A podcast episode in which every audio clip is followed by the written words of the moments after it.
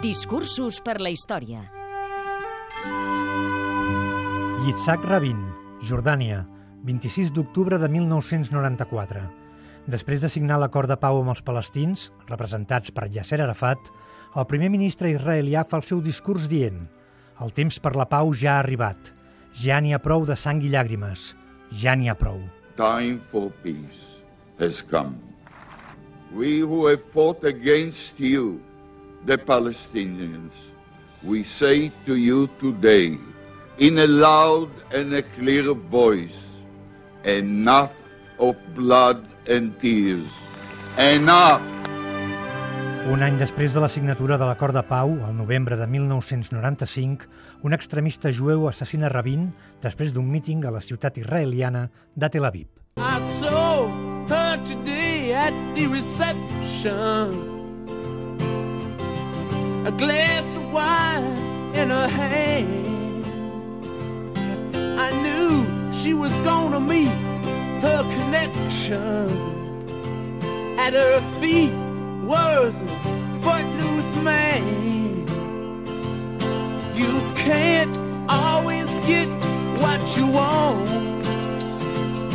You can't always get what you want. You can't always get what you want. But if you try sometimes, well, you might find you get what you need.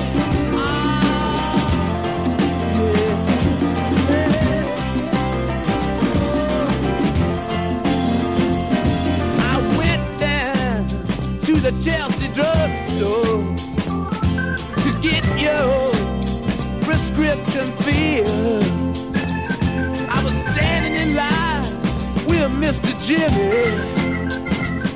A man, did he look pretty ill. I said to him, you can't always get what you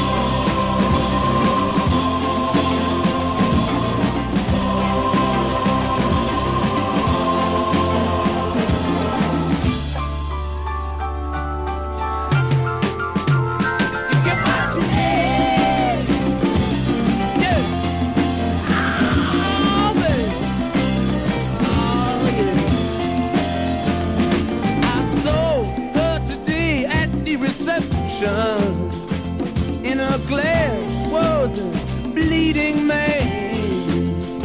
She was practiced at the art of deception.